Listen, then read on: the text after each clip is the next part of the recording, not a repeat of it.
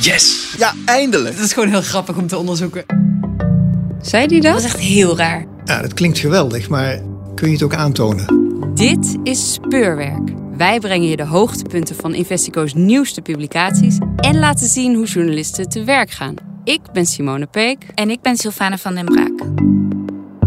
Deze aflevering gaat over Wat wij hebben gedaan is de route volgen van Zuid-Sudanees roofhout... die via India vermaakt worden tot meubels, vervolgens naar Europa komen. De controle is echt schrikbarend. Dus de kans dat er illegaal gekapt Zuid-Soedanese teak op de Nederlandse markt is, aannemelijk is. Welkom bij Speurwerk. In deze aflevering volgt Sylvana een onderzoek naar illegale handel in teakhout. Hout dat vanuit India aan Nederland wordt verkocht. Het onderzoek werd gedaan door Romy van den Burg en Linda van der Pol en het verschijnt in een Groene Amsterdammer. Sylvana, allereerst, wat is teakhout precies? Teak is gewild, maar moeilijk te verkrijgen tropisch hardhout dat gebruikt wordt voor meubels.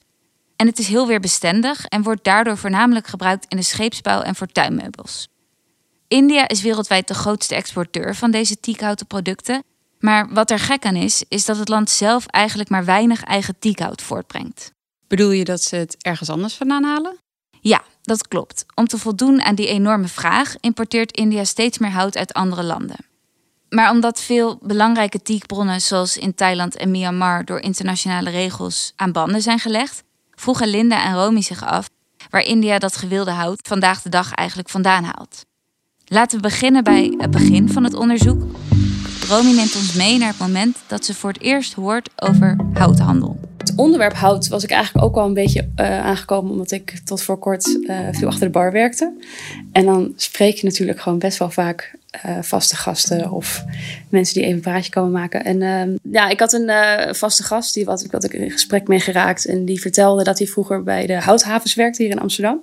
En um, dat hij vroeger heel vaak tegenkwam dat daar bijvoorbeeld containers hout uit Oost-Afrika aankwamen. En dat er dan tussen, de, tussen het hout door vluchtelingen mee waren gekomen. Of die kwamen dan uit die containers en dan verdwenen ze zo de stad in. Of ze vroegen de weg en dan verdwenen ze de stad in.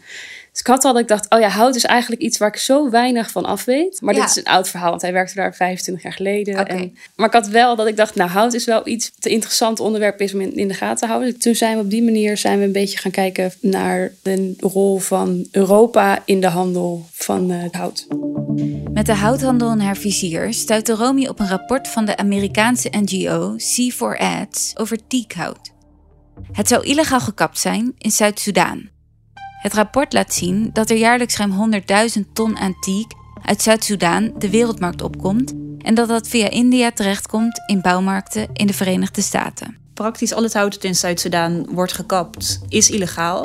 Er worden wel concessies afgegeven aan bedrijven. Dat betekent dat zo'n bedrijf het alleen recht heeft in een bepaald gebied te kappen. Maar die concessies die zijn eigenlijk allemaal tot stand gekomen door het betalen van smeergeld. En Zuid-Soedan geeft zelf ook geen label of origin uit. Dat betekent dat op het moment dat dit hout Zuid-Soedan verlaat, dan staat het niet meer te boek als Zuid-Soedanees.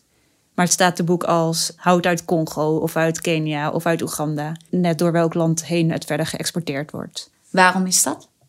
Omdat de houthandel in Zuid-Soedan heel slecht gereguleerd is. Zuid-Soedan is een heel jong land. Het werd gesticht in 2011.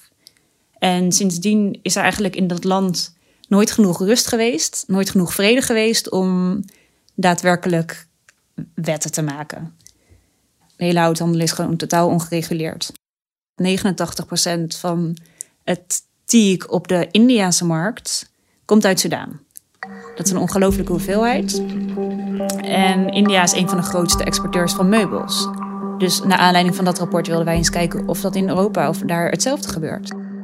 Romy en Linda besluiten het hout vanuit Zuid-Soedan via andere Afrikaanse landen naar India te volgen, waar het tot meubels vermaakt wordt en uiteindelijk misschien zelfs naar Nederland komt. Romy vertelt hoe ze die route probeerde te achterhalen.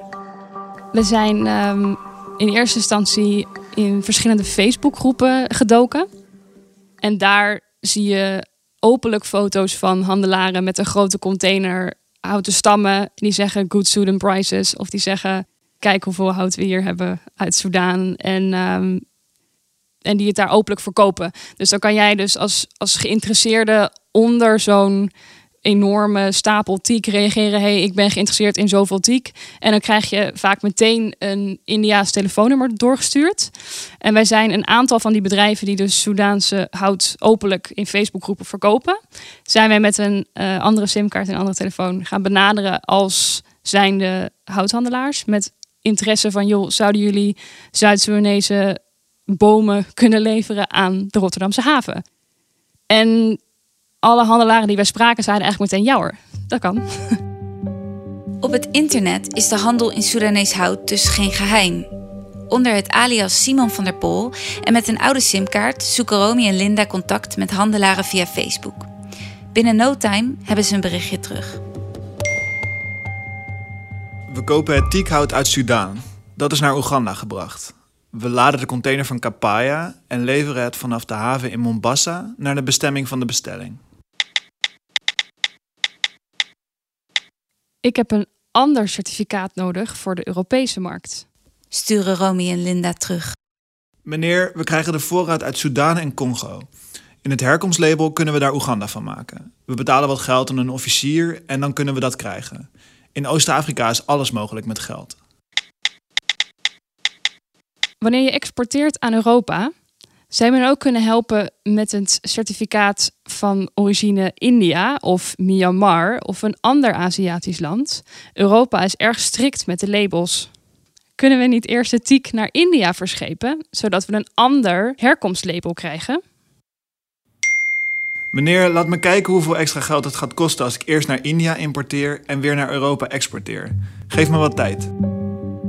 Nadat de handelaar het heeft uitgezocht, worden Linda en Romy toegevoegd aan een groepschat met meerdere houthandelaars. Hij heeft goed nieuws. Ik kan een herkomstlabel uit de landen Soudaan, Oeganda, Congo, Tanzania, Burundi en Rwanda regelen. Als de zending direct wordt gestuurd van Mombasa naar het land van de koper. Dat klopt. Als je een herkomstlabel uit een Aziatisch land wilt, doen we speciaal voor jou weder uitvoer om een herkomstlabel uit India te krijgen. Vult de andere handelaar aan. We beloven dat we een herkomstlabel uit India regelen voor het materiaal dat we vanuit Soudaan aan India hebben geleverd. We hebben goed contact met de Kamer van Koophandel van India, dus dat is geen probleem voor ons. Maar zoals ik al zei, zijn er extra kosten voor wederuitvoer. Wij konden gewoon zoveel Soedanees bestellen op deze manier als we wilden. Vlak voordat we deze deal dus echt gemaakt hebben. En toen hadden ze al behoorlijk wat bewijsstukken meegestuurd van vervalste labels. Hebben we de deal afgekapt. Undercover gaan is denk ik sowieso altijd iets wat je doet als je weet dat je op de normale manier dat ze dat dan niet geven. Wij hebben van tevoren ook twintig teak-importeurs in Nederland hier een vraag over gesteld en geen één reactie gekregen. En op deze manier lukte dat gewoon niet. Dus toen hebben wij ervoor gekozen om undercover te gaan als handelaren. En totdat je daadwerkelijk echt zegt: ik maak een deal met iemand, geprobeerd om dit rond te krijgen. En dat was verbazingwekkend makkelijk. Ik had niet verwacht hoe makkelijk zij, zonder mij ooit gesproken te hebben, zoiets hadden van: oh ja, joh, tuurlijk, hier heb je een uh, label uh, Oegandees hout, terwijl het eigenlijk uit Soudaan komt. Kijk maar, hier komt het hier vandaan en deze plakken we erop. Losse houtproducten kunnen dus makkelijk worden witgewassen tot allesbehalve Zuid-Soedanees hout. En dat hout kan met een vervalst label of origin verstuurd worden naar Nederland. Maar zoals de houthandelaren aangaven, kost dat wel wat. Van dat geld zien de inwoners van Zuid-Soedan niks terug. Als het hout Zuid-Soedan uit is, dan is het het uit. Het wordt door buitenlandse bedrijven eruit gehaald. Er wordt daar amper Zuid-Soedanese personeel of mankracht voor gebruikt. En er worden daar ook geen meubels gemaakt. Dus het land wordt letterlijk leeg geroofd. Het wordt niet herplant. En ze houden er als bevolking helemaal niks aan over. Terwijl het een van hun meest rijkelijke grondstoffen is die ze, die ze hebben. Uh, het wordt geraamd op 90% illegale kap. Dat maakt het erg omdat het niet alleen niet bij de bevolking terechtkomt, maar het enige geld wat wel in Soudaan blijft, gaat volgens Verenigde Naties de zakken in van corrupte politici en rebellengroepen. Tot dit jaar financierden deze rebellen er zelfs een binnenlandse oorlog mee. Teakhout wordt daarom ook wel bloedhout genoemd. Maar hoe kan het dat dat hout eigenlijk zo makkelijk in Nederland terecht kan komen? Er is sinds 2013 zelfs een Europese houtwet die een einde had moeten maken aan de verkoop van illegaal gekapt hout. Wij zien verschillende problemen met die houtverordeningswet. En eentje is, je moet als verkopend bedrijf, als houthandelaar, moet je dat op orde hebben. Dus op het moment dat een toezichthoudende organisatie, dat is de NVWA in het Nederlandse geval, op het moment dat zij een houtcontrole bij jou komen houden op het bedrijf, dan moet jij al die papieren kunnen overhandigen. Maar er zijn hier verschillende problemen. De NVWA heeft weinig slagkracht. Er zijn 5000 houtbedrijven in Nederland, maar de NVWA heeft een handvol FTE om die controle toe te passen. Dan is het ook nog zo, je kunt heel gemakkelijk fraude plegen met die papieren, want het is, het is uiteindelijk een papieren werkelijkheid. Je hebt hier een stapel hout liggen en je moet laten zien waar dat vandaan komt, dus vraag je wat papieren op. Maar zolang je niet aan de grens controleert, maar op een bedrijf controleert, kun je eigenlijk nooit met zekerheid zeggen dat dit stapeltje papieren bij die stapel hout hoort. Um, dus dit systeem is heel erg fraudegevoelig. Het kan dat het goed onderzocht wordt en dat is afgelopen jaren ook wel een aantal keer gebeurd. Maar uiteindelijk, er komen jaarlijks 75.000 containers met hout de, de Rotterdamse haven in. De pakkans voor het importeren van illegaal hout is niet heel de pakkans voor het importeren van illegaal hout is niet alleen nihil, de wet kent ook een boel uitzonderingen. Dat betekent dat een lange lijst aan producten niet binnen de wet vallen en dus gewoon geïmporteerd mogen worden, zelfs als het hout waarvan het gemaakt is illegaal verkregen is.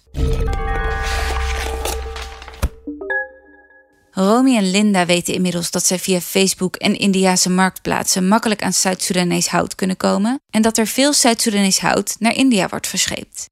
Maar hoe zit het met de weg van India naar Nederland? Dat is wel het lastige, die route van Nederland naar India en van India naar Nederland. Dat is eigenlijk onze grootste kluif wel geweest uh, om echt hard te maken dat het dus hier ook dat we het kunnen zien liggen in een winkel. Want het is natuurlijk vermaakt tot een meubel. Het is, uh, het is bij zoveel verschillende handelaren geweest dat je wel snel het spoor daardoor een beetje kwijtraakt.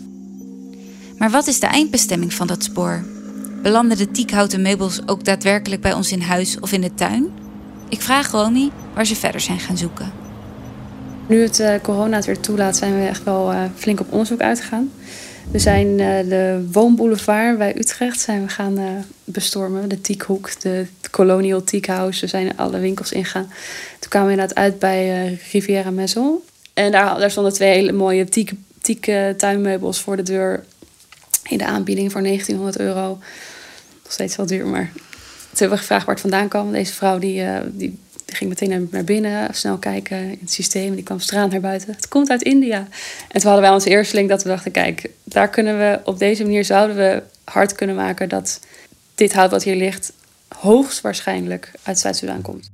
Niet alleen de Riviera Maison, maar tientallen andere Nederlandse bedrijven halen hun teakproducten uit India. In vijf jaar tijd verviervoudigde de Nederlandse import van houten meubels uit het land. Romy en Linda willen bewijsmateriaal verzamelen om te laten zien dat dat hout ook daadwerkelijk uit Zuid-Soedan komt. Maar helaas gooit het coronavirus roet in het eten. Wij waren voornemens om naar India te reizen, om daar zelf data te gaan zoeken. We wilden twee weken in India gaan zitten en daar gaan rondrijden en gaan praten met houtimporteurs en met meubelmakers die vervolgens weer naar Nederland exporteren. Wij hadden de goede hoop dat wij op die manier aan de data konden komen uh, die we zochten. Namelijk handelaars die ons inderdaad iets kunnen vertellen over de herkomst van hout en wat daar vervolgens mee gebeurt.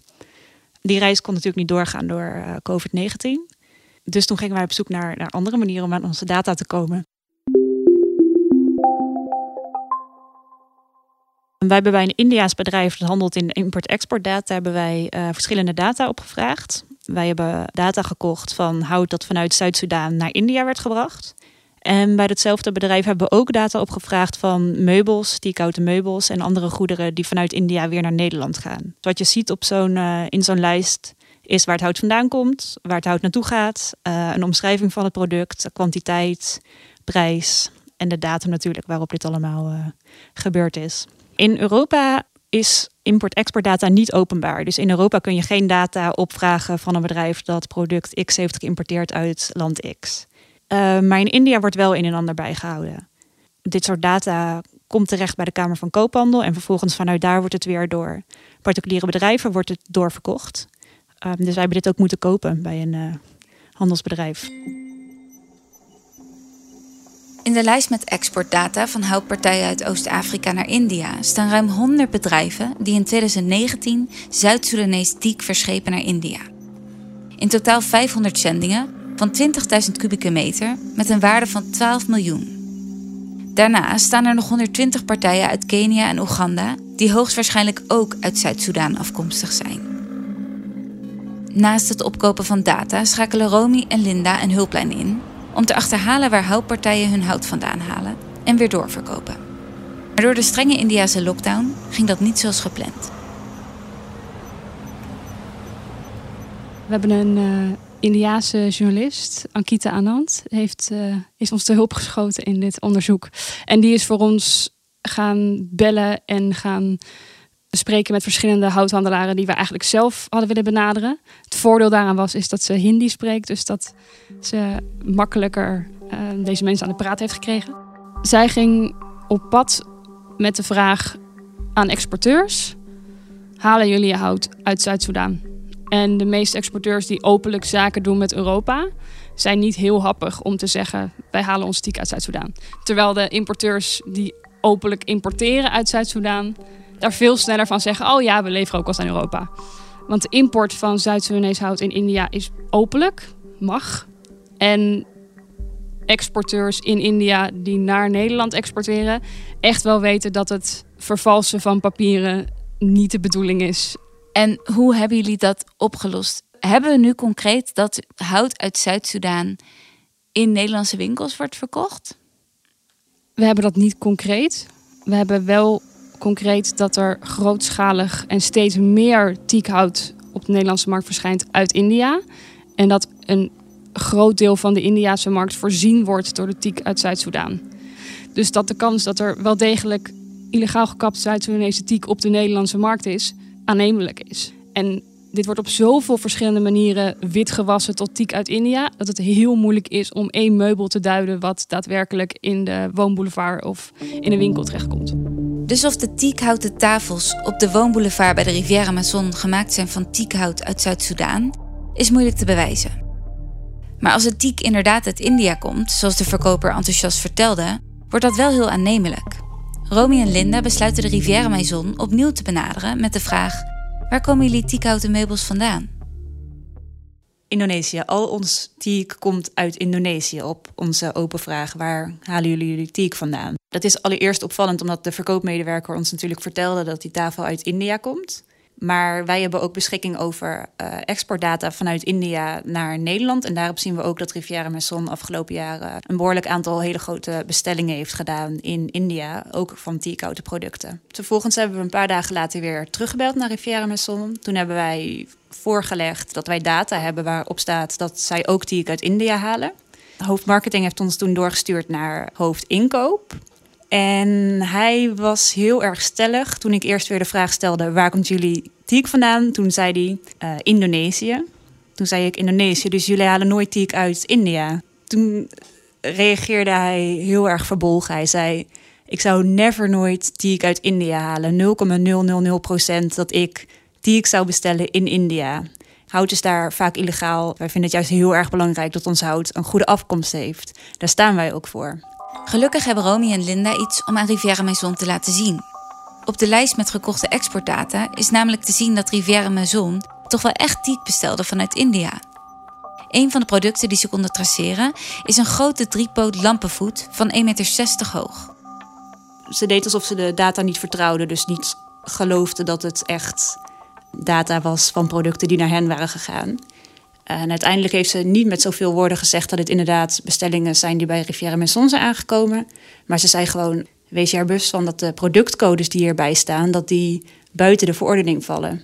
En het is natuurlijk heel erg interessant dat zo'n bedrijf zegt: we willen goed doen voor de wereld, wij zorgen dat wij goed inkopen. Um, maar tegelijkertijd zoeken ze toch echt de grens op. Datgene dat ze eventueel wel mogen importeren, blijkbaar uit onbetrouwbare bron, dat doen ze. Wij hebben heel erg veel meubelwinkels gesproken. En mensen die importeerden uit Indonesië, die waren in veel gevallen erg vriendelijk. Die konden een certificaat overleggen van de plantage waarin hout vandaan kwam en dergelijke. Maar bij de importeurs uit India merkten we dat men wantrouwig was. Er zijn meerdere hoorns zijn er opgegooid op het moment dat wij vroegen of hun hout wel uh, legaal gekapt was. Ja, en aan Riviera Maison is het natuurlijk heel opmerkelijk dat eerst een aantal medewerkers heel stellig zijn dat hun hout allemaal uit Indonesië komt. En dan blijkt een deel toch echt gewoon uit India te komen. Dit bedrijf heeft natuurlijk uitwegen gezocht. Ze hebben tijd gerekt. Ik vond de gesprekken redelijk intimiderend. Ze, ze trok mijn identiteit, maar ook mijn, mijn ethische journalistieke code trok ze heel erg in twijfel. Ze heeft gevraagd door wie wij betaald werden. Deze vrouw die vroeg zich heel erg af of ik wel echt Linda van der Pol, de journalist was. En of ik niet toevallig een concurrent was die hier informatie bij Riviera probeerde te verzamelen. Uh, het tweede gesprek vond vandaag plaats. De hoofdredacteur zat in dezelfde ruimte en uh, ik had mijn telefoon op luid staan. En toen maakte de hoofdredacteur vooral gewoon gebaren van afkappen, afkappen. Na het gesprek zei hij: Je had de telefoon ook aan mij mogen geven. Dan had ik gezegd: Mevrouw, we hebben hier één korte vraag. Geef nu antwoord op. U heeft vijf minuten. Weet dat dit uw enige kans is om hier antwoord op te geven. Dan had hij het afgekapt. Uh, zo zou ik het zelf nooit aanpakken. Ik zou eerder beleefd blijven, denk ik ja, dat is wel een goede les. Het is niet heel makkelijk om je hoofd koel te houden en bij jouw eigen vraag te blijven wanneer iemand alleen maar de focus probeert te leggen op jou als persoon, op mij als journalist. Aan de andere kant, het hoort bij ons vak. Dit was Speurwerk. Je hoorde Romy van den Burg, Linda van der Pol over illegale handel in teakhout. Zij ontdekte dat een groot deel van de teak in India uit de Oost-Afrikaanse staat Zuid-Soedan komt, terwijl 90% van de houtkap in dat land illegaal gebeurt. En de inwoners van Zuid-Soedan profiteren niet van de handel. Integendeel. De markt wordt gedomineerd door buitenlandse bedrijven en de schaarse binnenlandse opbrengsten verdwijnen in de zakken van corrupte politici en rebellen. Zij financierden daar tot dit jaar zelfs een destructieve binnenlandse oorlog mee. De invoering van de Europese houtwet in 2013 moest een einde maken aan de verkoop van illegaal gekapt hout. Maar uit onderzoek van Investico blijkt dat het nog steeds makkelijk is om fout hout op de Nederlandse markt te brengen. Je kunt het hele verhaal over dit onderzoek lezen in de Groene Amsterdammer of natuurlijk op de website van Investico. Abonneer je op Speurwerk in jouw favoriete podcast-app en laat een recensie achter. Dan help je mensen de podcast makkelijker te vinden en krijg je een melding bij een nieuwe aflevering. We bedanken Pepijn Buitenhuis voor de muziek en eindmix. En jou voor het luisteren. Bedankt.